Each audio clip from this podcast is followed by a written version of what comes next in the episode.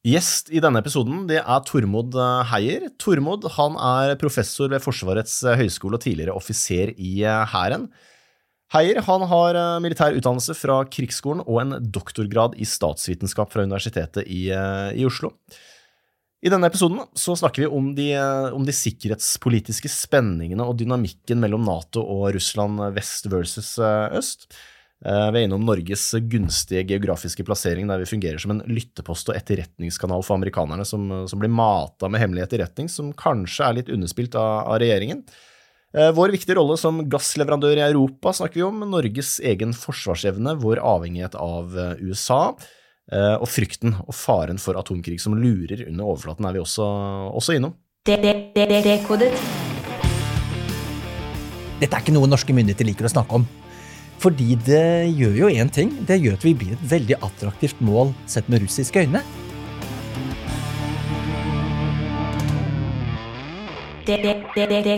Eh, jeg tenker Overskriften i dag det er eh, de sikkerhetspolitiske spenningene eller dynamikken mellom ja. Nato og, Russland, øst mm. versus vest. liksom. Mm. Men kanskje begynne med ja, rett og slett Nato for dummies, og det inkluderer meg selv. Ja.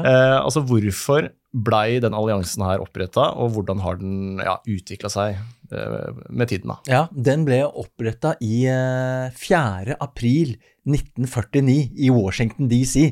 Da møttes eh, USA og Canada og eh, ti europeiske land. Og eh, poenget med den alliansen, det var da, fire år etter andre verdenskrig slutt, det var å samle de vestlige landene som hadde vært med USA og Storbritannia og Frankrike i krigen mot Tyskland.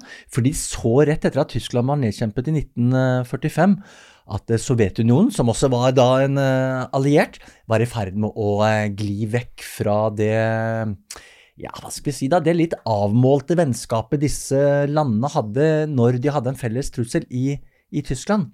Men da tyskerne var nedkjempet, som sagt, så var vel egentlig Churchill den første statsministeren da i Storbritannia, frem til 46 var det vel, som sa at det er i ferd med å senke seg et nytt jernteppe. Ja, og prøvesprengte ikke Russland en atombombe selv i 1949? Jo, det gjorde de. Ja. Eh, det gjorde de. Det, det, det var første gang på, de klarte ja. det. Det satte også fart på saken. Ja. Men det som virkelig satte fart på det, var tre ting som skjedde i 1948. For det første at kommunistene gjennomførte et kupp i februar 48 i Praha. Og dermed så klarte Sovjetunionen å få hele Tsjekkoslovakia, som i utgangspunktet var veldig vestlig orienterte, til å tippe over og inn i den østlige folden pga. dette kommunistkuppet i Praha. Det var i februar. Og så, i april samme år, så rett og slett ble finnene tvunget inn i denne bistands- og vennskapspakten med Sovjetunionen. Og for det tredje så gjennomførte Stalin da en blokade av Vest-Berlin, slik at eh, vestmaktene fikk ikke forsyninger inn i, eh, i, Berlin uten å måtte fly. Så summen av disse tre tingene gjorde iallfall for Norges vedkommende at de da forlot nøytralitetstankegangen som hadde preget hele Norge siden 1905, og inn i dette vestlige transatlantiske fellesskapet. Ja, og da har vi altså den kalde krigen som varer og varer, ja. til uh, 1992. Uh, ja da, iallfall fram til uh, eh, 9.11.1989, for da satt president, senere president Putin som KGB-major i Dresden og så at Berlinmuren ble revet. Ja. Og så valgte Sovjetunionen seg da selv to år senere, første juledag i 1991, å oppløse seg selv. Og da eh, var liksom USA og Vesten og Nato følte at de sto igjen ja. som eh, seierherrene etter den kalde krigen. Det var nesten, da. 89, 91, ja, 92, 92. Ja. Uh, men i dag så er det jo uh, omstruktureringer i uh, Nato, kanskje til og med omfokuseringer, kan man kanskje si. Sånn jeg har skjønt det, så skal det nå komme en ny fordeling på disse kommandosentralene. Tidligere har det vært to, hvis jeg ikke tar helt feil, men nå er det snakk om at det kanskje blir tre. Kommandoer. Eh, også endring av fokus. at eh, Tidligere så har det eller Det nye mantraet er kanskje at eh, man skal fokusere mer på medlemslandenes evne til å forsvare egne territorier, da, heller ja. enn utenlandsoperasjoner. Er ja, det riktig? Det er riktig. For det som skjedde 11.9.2001, det var jo at Nato virkelig ble dratt ut av sine egne kjerneområder Dels pga. allerede på 90-tallet med borgerkrigene på, på, Balkan, i tidligere Jugoslavia.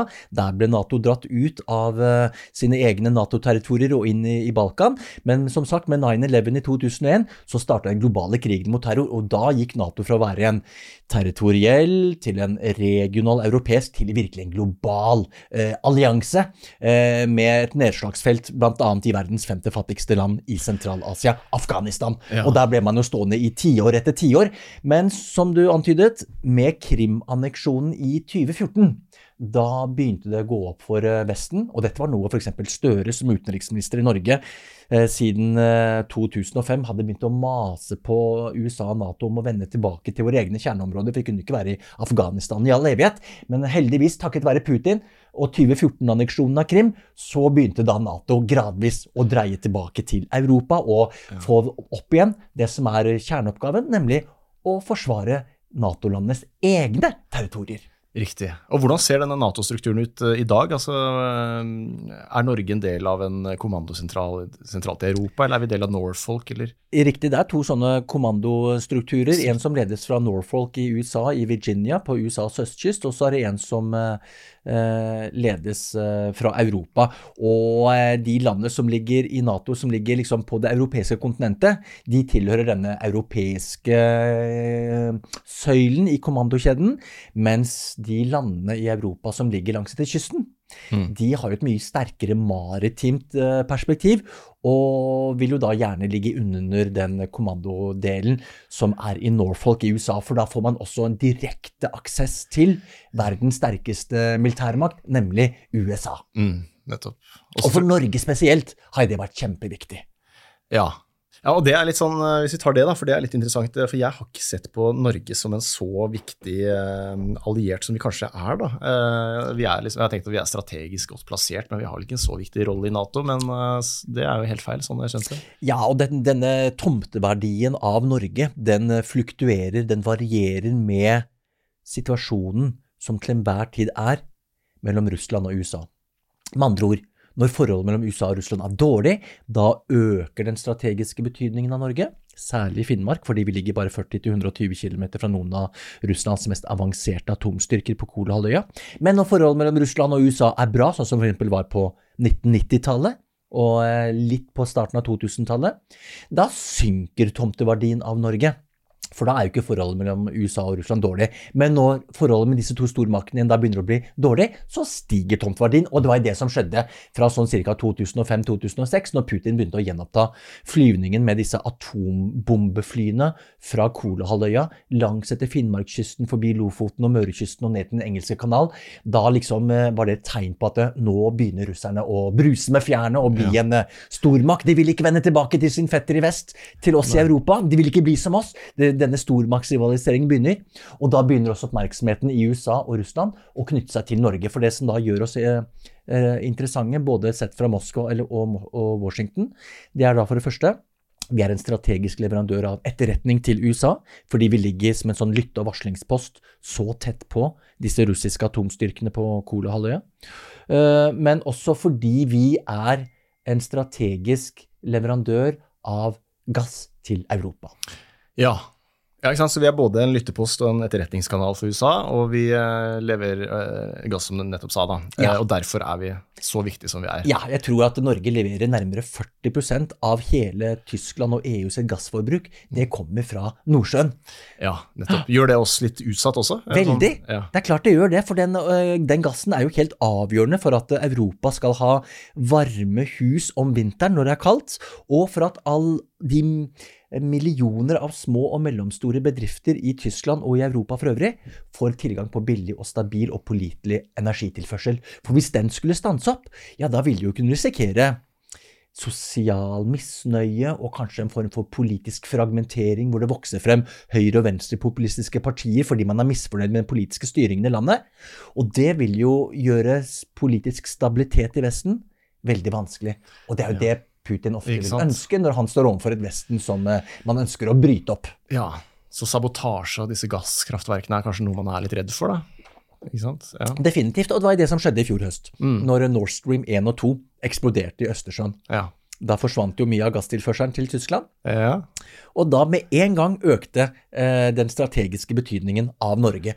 Storbritannia overførte mange såkalte maritime patruljefly til østkysten av Storbritannia, og derfra så drev disse flyene og begynte å patruljere det norske eh, gassområdet.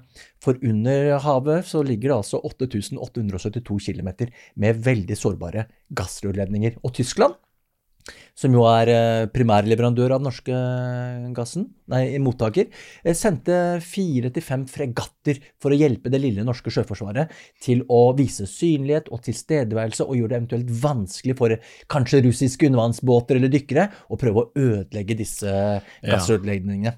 Nettopp. Men i ettertid har jo vist at det kanskje var det ukrainere som ødela disse North Stream 1 Ja, og 2. for det var mitt neste spørsmål. Veit vi det, eller er det sånn at det er konfidensielt? Er- Statsministeren veit det sikkert, og så kan han ikke si det, da kanskje? Eller veit du det uten å kunne si Ja, det? nei, jeg forholder meg bare til uh, åpne kilder, og det Mm. jeg har lest av åpne kilder så langt, så må jeg si at jeg heller til de eh, vurderingene som er gjort av uh, tysk politi i samarbeid med nederlandsk etterretning, og som har lekket ut fra USA, nemlig at det var ukrainere som leide Ja. en båt på nordkysten av Tyskland, og som seilte ut i Østersjøen, og som visstnok skal kanskje da ha, ha sprengt og lagd hull i disse to ledningene. Er det det som heter sånn falsk flaggoperasjon av noe slag? Eller? Ja, det kan du si, eh, for det som instinktivt slo oss i Vesten, det var at eh, her har russerne vært på ferde.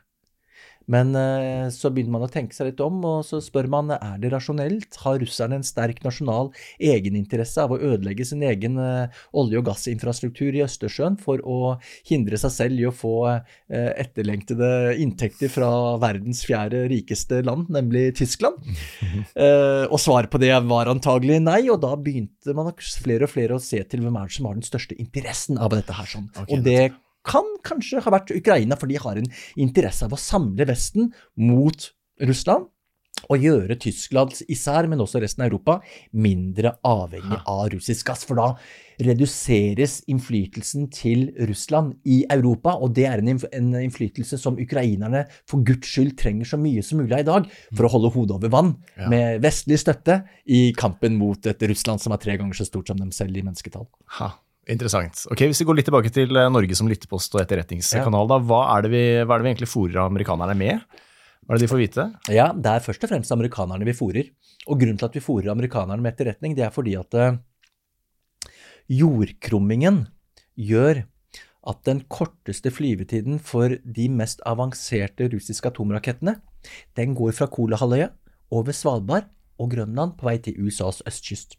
Mm. Slik at det er vår helt unike, Norges helt unike geografiske plassering så innmari tett på disse, jeg tror det er ni russiske strategiske undervannsbåter. Og de klarte fra midten av 1970-tallet endelig å få plassert disse atomraketter nede i båtene, slik at de kunne guffe på over det nokså grunne Barentshavet. Det er bare 150-230 meter dypt, og da er det lett å bli oppdaget av norske lyttekabler som vi har lagt langt ut i havet utenfor Finnmarkskysten. Eh, slik at de undervannsbåtene til russerne kan gjemme seg på havdypet der hvor amerikanere eller Norge ikke kan finne dem. Og det er gjerne under polisen, kanskje i norskerenna, som også er veldig dyp, eller ute i Nord-Atlanteren.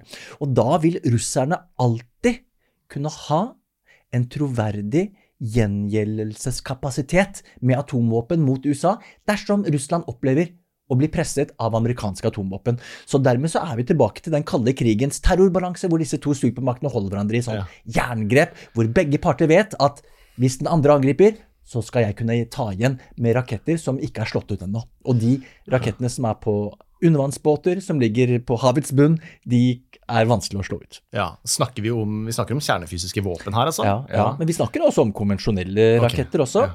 Eh, og i og med at Russland er egentlig ganske svake og konvensjonelt og økonomisk og politisk, så øker jo den relative betydningen av disse atomvåpnene, for det er det eneste som holder russerne i noenlunde likevekt med amerikanerne i dag, særlig i Barentshavet og i, i verden for øvrig, det er disse atomstyrkene.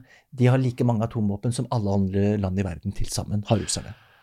Oi, er det så mye? Ja. Og Og de mest avanserte de ligger da som sagt i disse undervannsbåtene på Kolahalvøya. De har jo sjøbaser i Østersjøen, i Svartehavet og i Kaspihavet og i Stillehavet, men der er de på mange måter stengt inne. Mm. Det eneste åpne veien ut i åpne hav, hvor de kan gjemme seg og utgjøre denne troverdige gjengjeldelseskapasiteten mot USA, det er faktisk i nordområdene. Så eh, dermed så stiger ikke bare den strategiske verdien for den russiske atomstyrken, men også for Finnmark og Nord-Norge og Norge sin rolle som en sånn ja. lytte- og varslingspost for USA og Nato. Men, men, eh, men disse, disse russiske våpnene på Kolahalvøya, er, de, er de moderne? Vet vi at de virker, eller er dette noe rustne greier fra 50-tallet? Ja, nei da. Eh, vi vet de virker, for vi har jo ofte sett at det har vært gjennomført eh, prøvesprengninger, og at de har jo sitt viktigste øvingsområde i Barentshavet og i Karahavet inn mot Novoja Semja og Mm. Frans Josefs land. Og derfra så skyter du disse rakettene, og de går over hele Sibir, over en sju, åtte, ni tidssoner, og lander i Stillehavet ved Kamkatsja nord for Japan. Ja. Så de har en helt unik mulighet til å kunne teste ut disse veldig fantastiske, stolte russiske missilene som de er så avhengig av for å vise seg selv som en stormakt. Og Ja. Norge har jo da denne Globus 2, eller Globus 3-radaren, som jo er amerikansk teknologi som står i, eh, i Vardø, og den fanger jo opp veldig mye av disse russiske rakettutskytningene, og kan dermed gjøre målinger som gjør at vi får veldig detaljert og god informasjon om hvor langt har russerne kommet. Ha. Men det at Norge er så godt geografisk eh, og strategisk plassert, at vi har en så viktig rolle, er det, mener du at det er litt underkommunisert fra regjeringen? For det har jeg hørt deg si, eller jeg mener jeg har hørt deg si det. Ja, det er riktig. Ja. Dette er ikke noe norske myndigheter liker å snakke om. Fordi det gjør jo én ting, det gjør at vi blir et veldig attraktivt mål sett med russiske øyne. Og dermed så eksponeres det norske lokalsamfunn som mulige bombemål for russerne. Og det som har vært et mantra i norsk sikkerhetspolitikk, der vi da ligger og balanserer mellom disse to stormaktene, mellom USA i vest og Russland øst, det er jo å unngå å bli trukket inn i en krig mellom stormaktene, og at vårt eget strategiske nærområde, f.eks. i Barentshavet, da, Norges kanskje viktigste strategiske nærområde, hvor vi henter opp enorme mengder med olje og fisk og gass, som gjør at det er verdens rikeste land, at disse områdene militariseres. At det blir gjenstand for eh, store flåte- og flystyrker fra USA og Russland som driver og eh, rivaliserer dette området. For da skal det jo veldig lite til før en ulykke eller misforståelse eskalerer og kommer ut av kontroll, og så har vi det Ja. gående. Ja, det er det, ja. Interessant. Men er det, tror du også faren for eh, atomkrig er underspilt? Eller mener du det selv? Er det jeg er nok blant de som er optimist, da. Så Ja. jeg tror ikke det er noe veldig stor fare for atomkrig. Men den er heller ikke null. Hva sa du? Den er heller ikke null. Den er heller ikke null, absolutt ikke. Og nå som forholdet mellom USA og Russland er dårlig, så skal det jo mindre til, og her er nok den største risikoen, da. Da skal det mindre til for at feiltolkninger, misforståelser eller tekniske uhell oppstår, som gjør at f.eks. et veldig svakt Russland, hvor det er fullt av paranoide offiserer innad i kommandokjeden, begynner å tro at nå kommer amerikanerne og tar oss. Da er det mye lettere å skulle trykke på knappen hvis du får et nyss om at uh, noe er på gang. Det var det som skjedde høsten 1983 under øvelse Able Archer i Vest-Tyskland. Da var russerne, KGB, i mange år så paranoide og var sikre på at amerikanerne kom til å angripe dem med atomvåpen. Så da i forbindelse med en stor Nato-øvelse i Vest-Tyskland i 1983, hvor amerikanerne skulle trene på overføring av styrker og logistikk fra USA inn til Tyskland, så var Sovjetunionen sikker på at dette er bare et, eh, et påskudd for et større atomangrep mot, eh, mot Sovjetunionen. Og da visstnok, under den øvelsen, så var det like før en av de tjenesteansatte som hadde da fått beskjed om det, trykket på den store knappen. Oi. Eh, Men det skjedde heldigvis ikke. Han gjorde det ikke, eh, men det, det brukes ofte som et eksempel på denne paranoiaen som har en tendens til å få lov til å utvikle seg innad i kommandokjeder i land som er eh, mye svakere enn motparten. Nettopp. Og det er jo det på mange måter Russland er i dag. Så jeg tror ikke at det kommer til å bli noe atomkrig, som sagt, for jeg tror at begge parter til syvende og sist er rasjonelle aktører.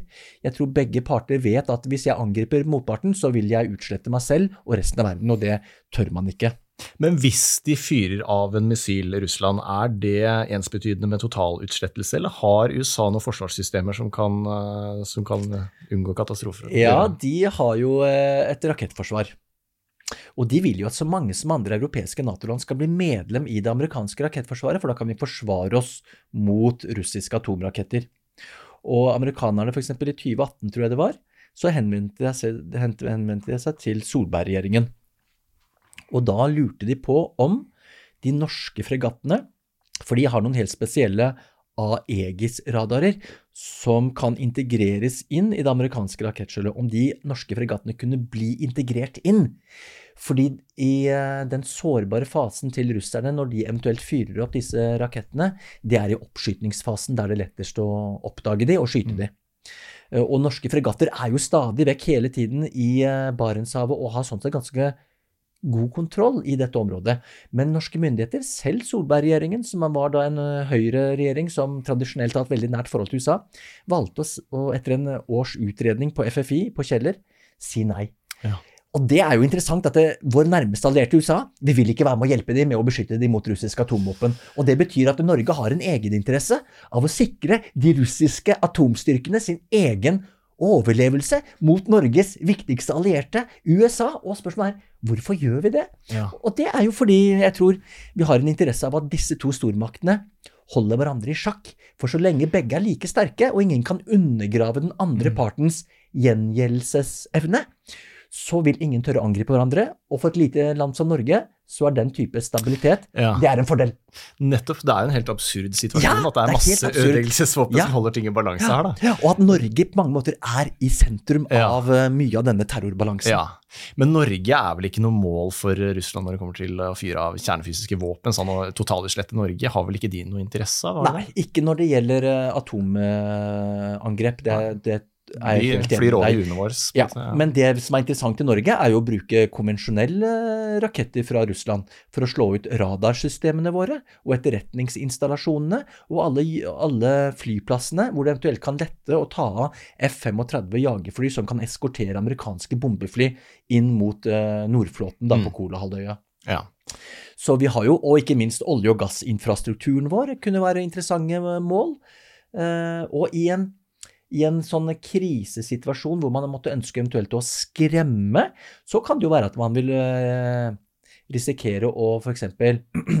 Eh, avfyre og få en eksplodere da, en taktisk atomrakett i atmosfæren eller i Barentshavet eller et annet sted for å signalisere om at vi virkelig mener alvor.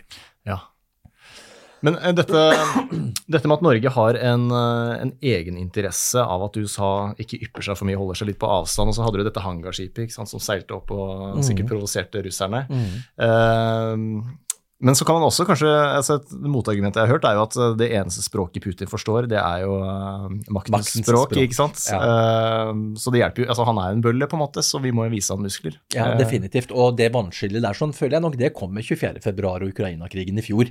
Uh, da gikk nok opp for de aller fleste at det er bare, som du sier, ett språk Putin forstår, det er maktens språk. Så du må på mange måter sette opp en troverdig motmakt. Og lille Norge med 5,3 millioner mennesker som har et lite forsvar som knapt holder i 96 timer de har jo ingen forutsetning for å kunne sette opp en sånn troverdig motmakt. Så det, jo, det var jo en av grunnene til at vi valgte å bli med i Nato i 1949.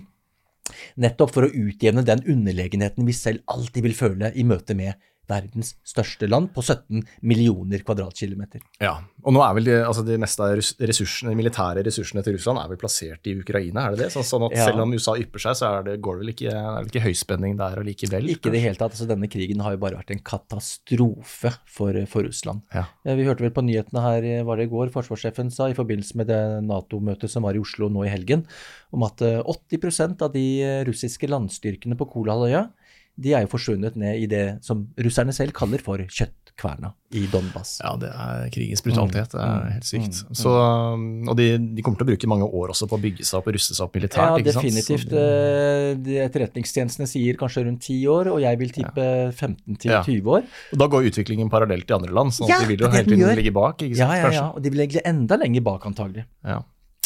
Nei, så denne krigen har vært en katastrofe, og jeg tror ikke Russland har følt seg så svake noen gang siden andre verdenskrig, sånn som de er i dag. Så Sånn sett så står jo ikke vi i Vesten overfor en uh, stor russisk militær trussel. Nei. Eh, hele landmilitærapparatet det er altså for alle praktiske formål ligger med brukken rygg i Donbas, så da er det bare luft- og sjøstyrken igjen. Og luft- og sjøstyrker alene utgjør ingen militær trussel mot Nato, fordi de mangler de militære landavdelingene som kreves for å kunne rulle inn over et Nato-territorium og ta kontroll over det territoriet hvor det bor eh, mennesker. Så lenge de ikke har den eh, delen av Forsvaret, så har de ikke et balansert, helhetlig forsvarsapparat, men de har bare noen missiler som de kan fyre av fra luft- og sjøplattformer, som de kan bruke til å presse Vesten med når man kommer i en slags ja, krisesituasjon hvor man ønsker å få gjennomslag for egne syn. Er det derfor USA ser på Kina som en uh, større trussel på lang sikt? Ja. Og hvis de gjør det, betyr det at uh, Altså kan vi regne med USA som en sterk alliert oppe i nordområdene forever, liksom? Eller kan det være at de, de mister litt engasjement her oppe når Kina blir uh, Ja. mektigere? Da? Ja, det er jo det vi er redd for. Og dette her sånn tror jeg du har rett i når vi leser eh, forsvarsstrategiene. I 2018 så kom amerikanerne med et nytt forsvarskonsept, og det erkjente eh, en eh, rapport, det heter en Net Assessment, som det amerikanske forsvaret gjorde i 2016. Da erkjente de at eh, denne krigen mot terror, som vi starta i 2001, den har gått altfor langt. Den har undergravd USAs nasjonale militære forsvarsevne, og kinesere og russere har fått et komparativt fortrinn og brukt den tiden godt på å ta oss igjen, nesten. Så fra 2018 så begynte amerikanerne med et nytt strategisk eh, forsvarskonsept. Og der erkjente de at de ville antagelig ikke kunne klare å håndtere to kriger samtidig. En i Sør-Kina-havet mot Kina, og en i Europa mot Russland samtidig. Mm. Så Derfor så er de avhengig av et nytt konsept som gjør at de kan, må bevege styrkene sine mye raskere mellom den sørlige halvkule, der de skal demme opp for eh, Kina, og den nordlige halvkule, hvor de skal demme opp for å eventuelt avskrekke Russland. Og Det betyr at de vil komme mye mer uforutsigbart og mye mer bardus og plutselig og overraskende inn i teatrene, for det lager mye mer inntrykk og skremmer Kina og Russland mye mer enn om russerne og kineserne vet at eh, ja, om seks måneder så kommer det og det amerikanske hangarskipet. Nå skal det komme mye mer overraskende. Og det var det som skjedde annet under eh, Trident Juncture 2018-øvelsen utenfor norskekysten i 2018. Da kom jo denne store hangarskipet opp til, eh, opp til Tromsø, mye lenger nord enn de noen gang nå har gjort før. Og mye raskere og mer uforutsigbart enn det russerne var klar over. Og russerne reagerte spontant.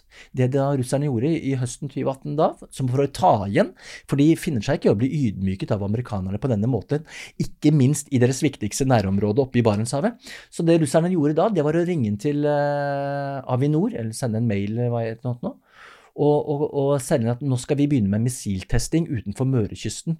Så da etablerte de tre sånne NOTAMs, Notice to Airmen, sånne NOTAM-øvingsområder, som er egentlig en varsel til fly og helikoptre om at nå må dere passe på, for nå er det missilskyting i dette området. Og de øvingsområdene la de rundt Heidrun og Norne og Kristin plattformene, hvor Norge henter opp olje og gass som vi selger til Europa. Ja. Så det forstyrret jo eh, litt av eh, virksomheten der ute på plattformene, og det var et veldig sterkt signal fra russerne om at denne formen for eh, styrkedemonstrasjon fra amerikanerne i våre egne nærområder, det finner vi oss ikke i. Det er mye symbolikk her. Veldig mye symbolikk. Dette er muskelfleksing eh, en masse. Eh, men hjelper, at, eh, hjelper for vår del og Natos del at eh, Finland nå er innlemma, og Sverige forhåpentligvis på sikt? da? Styrker det alliansen? Det Ja, da, Sett med norske og allierte øyne, så styrker jo det alliansen. Det gjør at vi får et veldig seriøst forsvarsland inn i Nato. For Finland er jo den eneste realpolitiske aktøren i Norden. De andre, Norge, Sverige og Danmark, vi liksom snur kappen etter vinden og legger ned Forsvaret i gode tider og prøver å bygge opp når det begynner å, å, å dra seg til igjen. Mens finnene, etter den kalde krigen slutt i 1991, de bare beholdt de. Eh, forsvaret sitt, det territorielle forsvaret. De var ikke så veldig mye med på eh, krig mot terror og utenlandsoperasjoner på Balkan og i Afghanistan og Irak, selv om de var med litt, men på, ikke på langt nær så mye som Norge og Danmark. Og eh, de la overhodet ikke noe særlig ned forsvaret sitt, sammenlignet med f.eks. Sverige, som var de som la ned kanskje aller mest sammen med Ja, Danmark. Men hvor, ja, hvorfor er ikke apropos her, hvorfor er ikke de innlemma ennå, hvis det heter det? Er det Ja. fortsatt Tyrkia som er problemet her? Det er nok fortsatt Tyrkia og til en viss grad Ungarn. Eh, og de tydelig at Tyrkia og Ungarn de har en mye sterkere agg mot Sverige enn det de har mot Finland. For nå er jo Erdogan president, liksom, så Ja. skulle tro at nå er det greit. da. Ja, men uh, det er ikke det, fordi Sverige har en helt annen politisk ideologi som virker, sett med både ungarske og særlig tyrkiske øyne, utrolig provoserende. Okay. ja.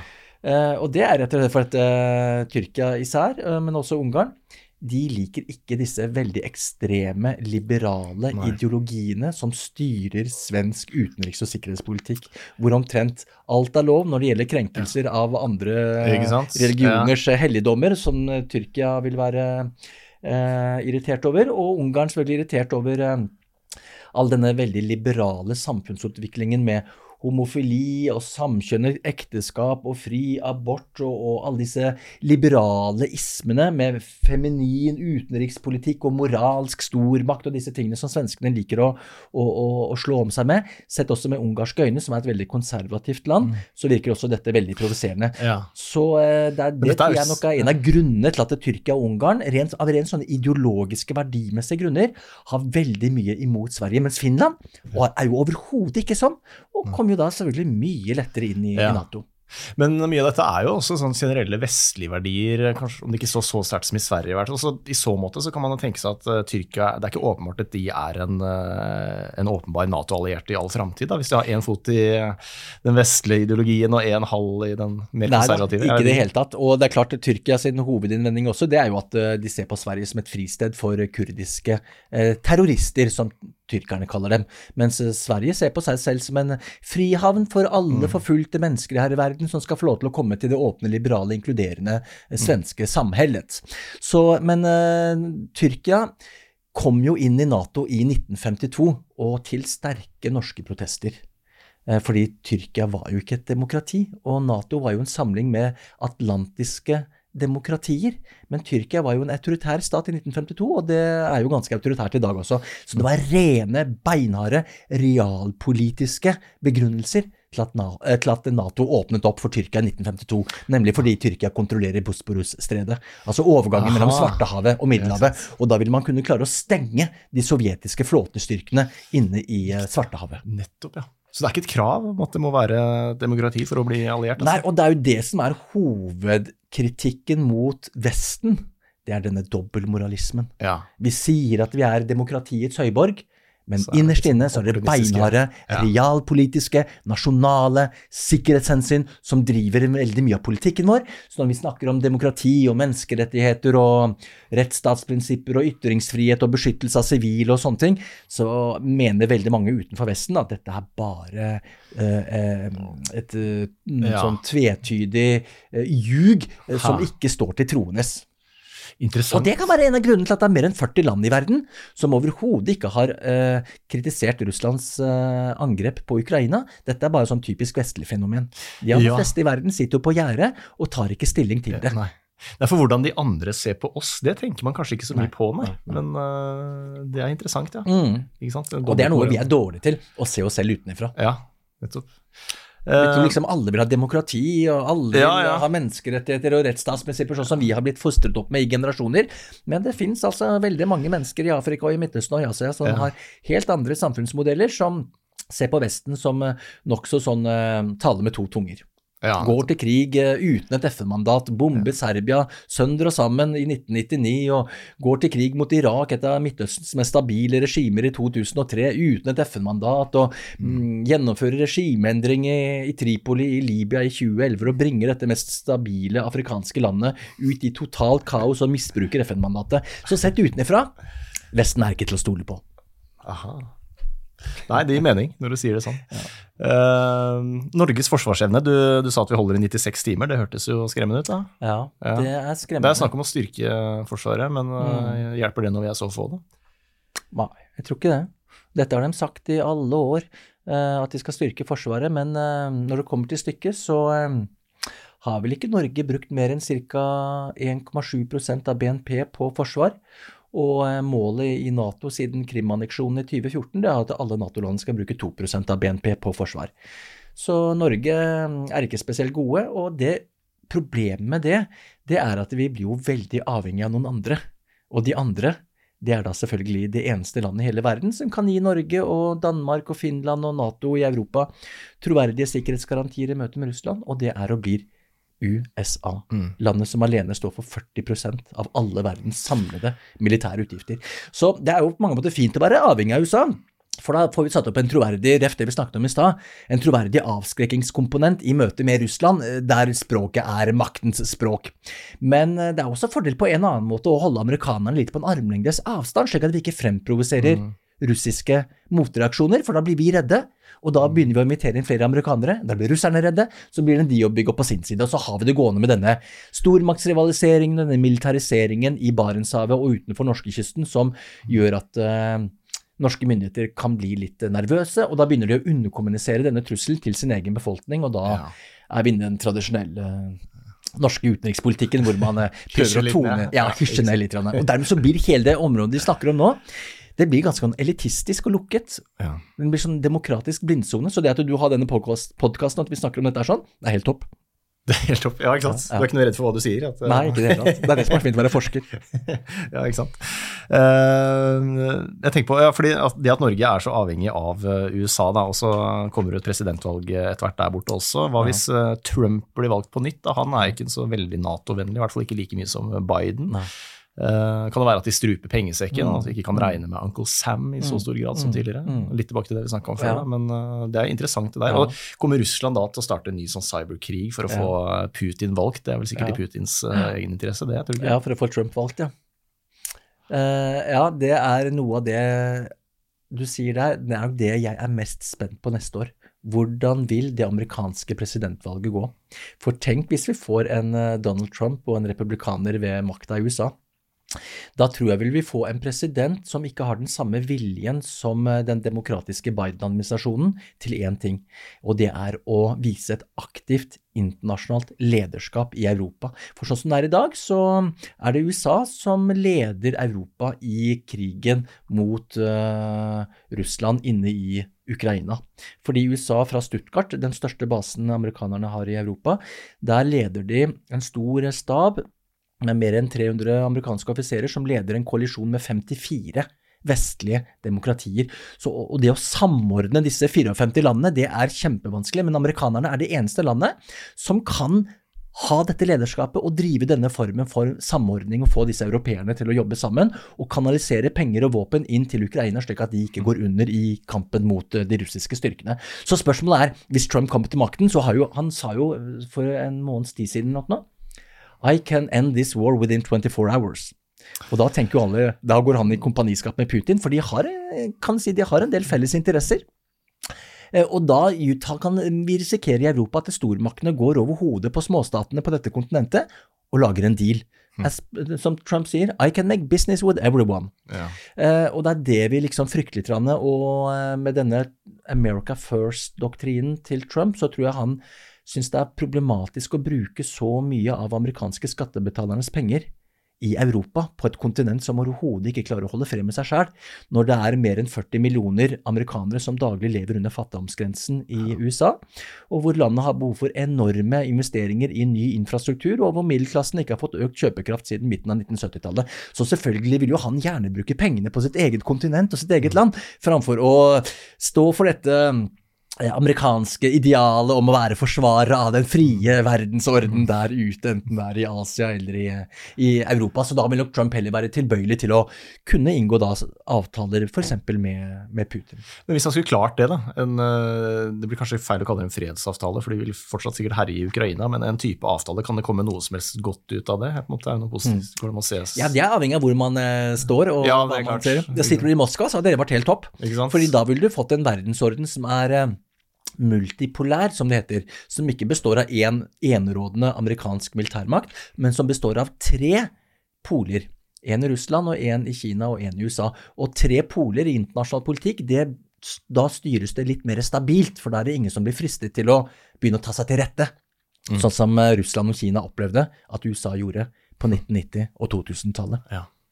Så sett med russiske øyne så vil jo det da innebære ikke bare en multipolar verdensorden hvor disse tre supermaktene kan holde hverandre i sjakk, men det vil også bety at de kan få dele Europa, amerikanerne og russerne, hvor Russland kan få en eksklusiv innflytelsessfære i Øst-Europa, å bygge opp igjen et sett av bufferstater som holder Vesten og USA på en armlengdes avstand. Og så kan USA og Nato og Vesten få lov til å holde på i Vest-Europa, sånn som de holdt på med etter andre verdenskrig. Eh, fordi da får russerne også sin erkerival USA på en armlengdes avstand. Og dette er jo det alle bufferstatene, eller alle randstatene til Russland, er så redd for. Finland, Mm. eh, Baltikum, Polen, Ukraina. Alle er jo kjemperedd for å ende opp inne i denne russiske innflytelsessfæren, sånn som vi hadde under kalde Ja. For da forsvinner alle de demokratiske rettighetene. Da forsvinner velstandsutviklingen og, og tryggheten og sikkerheten og verdiene våre. Mm. Så eh, det, det, det vonde her så det er at vi er jo så utrolig avhengig av amerikanerne. Så skulle det bli et, eh, en tilbaketrekking av amerikansk lederskap i Europa, så eh, ja, ja jeg, tror, jeg tror nesten ikke å tenke på det. Så det er paradoksalt at det, europeerne de har jo en befolkning som er eh, tre ganger så mange som i eh, i Russland, 450 millioner mot de 140 millionene som er i Russland. Og så har vi dobbelt så mange soldater, og vi har et BNP eh, som er åtte ganger så stort som det russiske, men vi klarer ikke å organisere våre militære styrker på en måte som gjør at vi kunne ha skapt en troverdig motmakt mot Russland. Så vi er så avhengig av amerikanerne, for det er amerikanerne som har dette enorme som sagt, lederskapet. Det, disse europeerne klarer ikke å, å lede seg selv. Nei, nei, det er det. Trump han, eh, han ser vel kanskje litt opp til disse autokratene. Da. Altså, Ja. Han han ser, virker som han ser litt opp til Ja. Putin og lederen av Kina. Ja, At de har noen felles idealer, idealer, og det går på dette, disse maktidealene, disse Ja. maskuline maktidealene. Ja. Antidemokratiske, kan man kalle det. de er nok litt antidemokratiske, det er helt riktig. Og han har jo leflet i Trump også med litt sånne Ja. fascistiske ytre høyre Mm. eh, og det er jo fløyer som, som eh, har en, en svakhet for eh, de maskuline, litt autoritære maktsymbolene, Mm. og litt forakt til de bløte, myke, liberale verdiene som man gjerne finner på venstresiden i politikken. Mm. Eh, til slutt litt om, eh, litt om ryktet til Russland, som er jo helt ødelagt nå og kommer til å ligge brakk i eh, mange år. Mm. Jeg syns det er litt interessant, fordi jeg som ikke har studert statsvitenskap eller ikke har noe militær bakgrunn, eller noen ting, har jo altså Hvis du sa mm, Russland til meg for fem år siden, hva tenker du da? Så hadde jeg tenkt kunst, kultur, jeg hadde tenkt arkitektur, en stolt sjakktradisjon. Mm. Ok, en litt uhyggelig fortid og en kommunistisk arv, men det er lenge siden, så det er greit. Så det har vært kult å reise til St. Petersburg og hilse på masse humor. Jeg føler at russere har masse humor. Ja. Hvis du sier Russland i dag, så tenker jeg for et eh, Det er jo politisk ukorrekt å si, da, men i mitt stille sinn tenker jeg for et drittland. For en bølle kan ikke bare gi seg. Og så klarer man jo å skille mellom individ og stat. ikke sant? Jeg skjønner at ikke alle sivile russere er idioter, men eh, man blir jo litt sånn eh, Russland er jo en bøllestat. Hvordan, hvordan, ja, det er jo en egen episode, vi skal ikke ta hele historien. Hvordan, hvordan er det mulig at de blei en sånn Ja, hvordan er det mulig? bølle. For det var jo så stor optimisme på 1990-tallet under Boris Jeltsin. Eh, Da trodde jo alle at, han, at Jeltsin skulle ta med seg Russland, og de skulle vende tilbake til sin fetter i vest. Og bli som oss med eh, vestlig turbokapitalisme og innføre markedsøkonomi og innføre demokratiske reformer og flerpartisystemer. Men eh, Putin tok jo over i 2000, og eh, han var nok, tror jeg, da, veldig preget av den såkalte Primakov-doktrinen som oppsto rundt 97-98, den tidligere russiske utenriksministeren under Jeltsin, som så på Russland som et, en stolt, særegen sivilisasjon med tusen års lange tradisjoner som en selvstendig stor stat, verdens største stat. Og de syns det bare er utrolig ydmykende å bli oversett og ikke respektert av de andre eh, stormaktene i verden, nemlig spesielt da USA. Eh, og når eh, Putin eh, så eh, såkalte fargerevolusjoner, USA-støttede opprør i Tiblisi i Georgia i 2003, i Kiev i Ukraina i 2004 og i Kirgistan i 2005, og han så at eh, Nato bombet deres viktigste allierte i Europa, nemlig eh, Serbia i 1999 uten et FN-mandat, og gikk til krig mot eh, Irak i 2003 uten et FN-mandat, så tror jeg nok Putin skjønte at denne verden her nytter ikke å eh, la seg herse med Vesten. Det er best om vi gjenoppretter vår historiske tradisjon og vår storhet, og finner tilbake vår egen selvrespekt. Og eh, hvis ikke så vil vi bare bli presset fra skanse til skanse. Så med økte oljepriser som oppsto utover på 2000-tallet, så fikk jo Putin mye penger mellom hendene som gjorde at han kunne bygge opp igjen mye både av det militære og det økonomiske og det politiske og sosiale livet i, i et land som på 1990-tallet sto i fare for å ende opp i borgerkrig. Vi hadde jo flere Tsjetsjenia-kriger i 94 og 96 og 2000. Eh, Vi hadde jo eh, stridsvogner i gatene i oktober 93 i Moskva som skjøt på sitt eget parlament, ikke sant.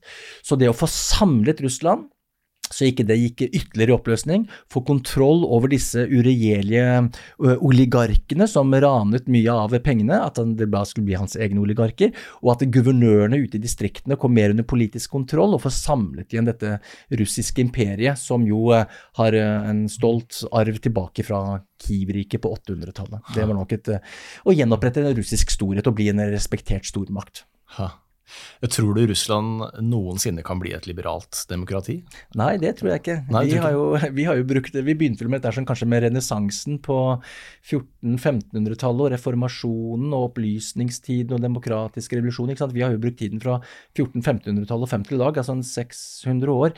Eh, Russland har ingen forutsetning for å, å bli et noe demokrati. Det, der er det autokrati, og det er paternalisme, og det er ortodoksi. Det er en maktvertikal. mm. og det kan også være at den russiske befolkningen ikke innerst inne er så veldig opptatt av demokrati og ytringsfrihet og organisasjonsfrihet og menneskerettigheter. De er kanskje mye mer opptatt av noe annet, nemlig sosial og politisk stabilitet under et samlende kollektivt styre med en fast leder som styrer og setter seg i respekt. Så vi kan anta at når Putin dør, så blir han erstatta av en ny autokrat på toppen der, som styrer med jernhånd, han også. Ja, det, Antakeligvis er det en han. jeg. ja. mm.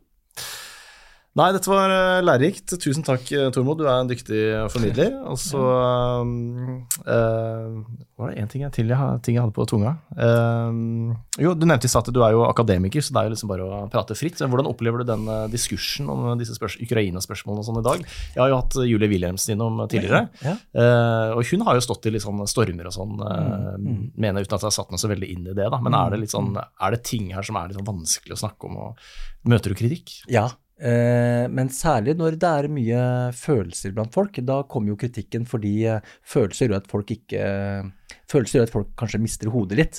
Og det var det som skjedde etter 24.2 i fjor, at eh, folk mista hodet fordi denne krigen kom som et stort sjokk, og man ble så forbanna på Russland, eh, at det var liksom bare ett narrativ som eh, fikk lov til å dominere i norsk og vestlig presse, og det var at Putin var en diktator, og at det var eh, bare én grunn til denne krigen, og det var Putins feil, og at Putin ville gjenopprette det store russiske riket. Mens Julie og jeg, da, som kanskje også kommer med andre perspektiver, som også kan kaste litt lys og nyansere litt hvorfor Putin gikk til krig, som eksempel hadde med Nato-utvidelse å gjøre, eller rivaliseringen med USA, kampen om Europa og sånn, det mm, falt i veldig, veldig dårlig jord, for det betyr jo implisitt at Vesten og Nato kanskje har bitte, bitte lite grann skyld i denne krigen. Eh, Det Og det er jo på. ikke hyggelig å tenke på det, når eh, landsbyer bombes og mennesker drepes og den største krigen siden andre verdenskrig utspiller seg i, Mm. i Øst-Europa. Så da ble jo vi ofte kalt for putinister, eller Putin-førstere, eller eh, illojale, eller eh, Det er eh, rett, rett i den båsen. Rett i den båsen. Prøver for å prøve å diskreditere vår faglige eh, integritet, da. Så det er en klassisk hersketeknikk. Men i dag, 18 måneder senere, så har gemyttene begynt å roe seg, og man har fått en litt mer rasjonalitet igjen tilbake opp i hodet. Følelsene er ikke like fremtredende, og da blir det lettere å se nyanser. For kriger utspiller seg ikke i et vakuum. Det er ikke bare én årsak til at eh, et land går til krig mot et annet. Det er mange politiske og sosiale for forhold som spiller inn sammen.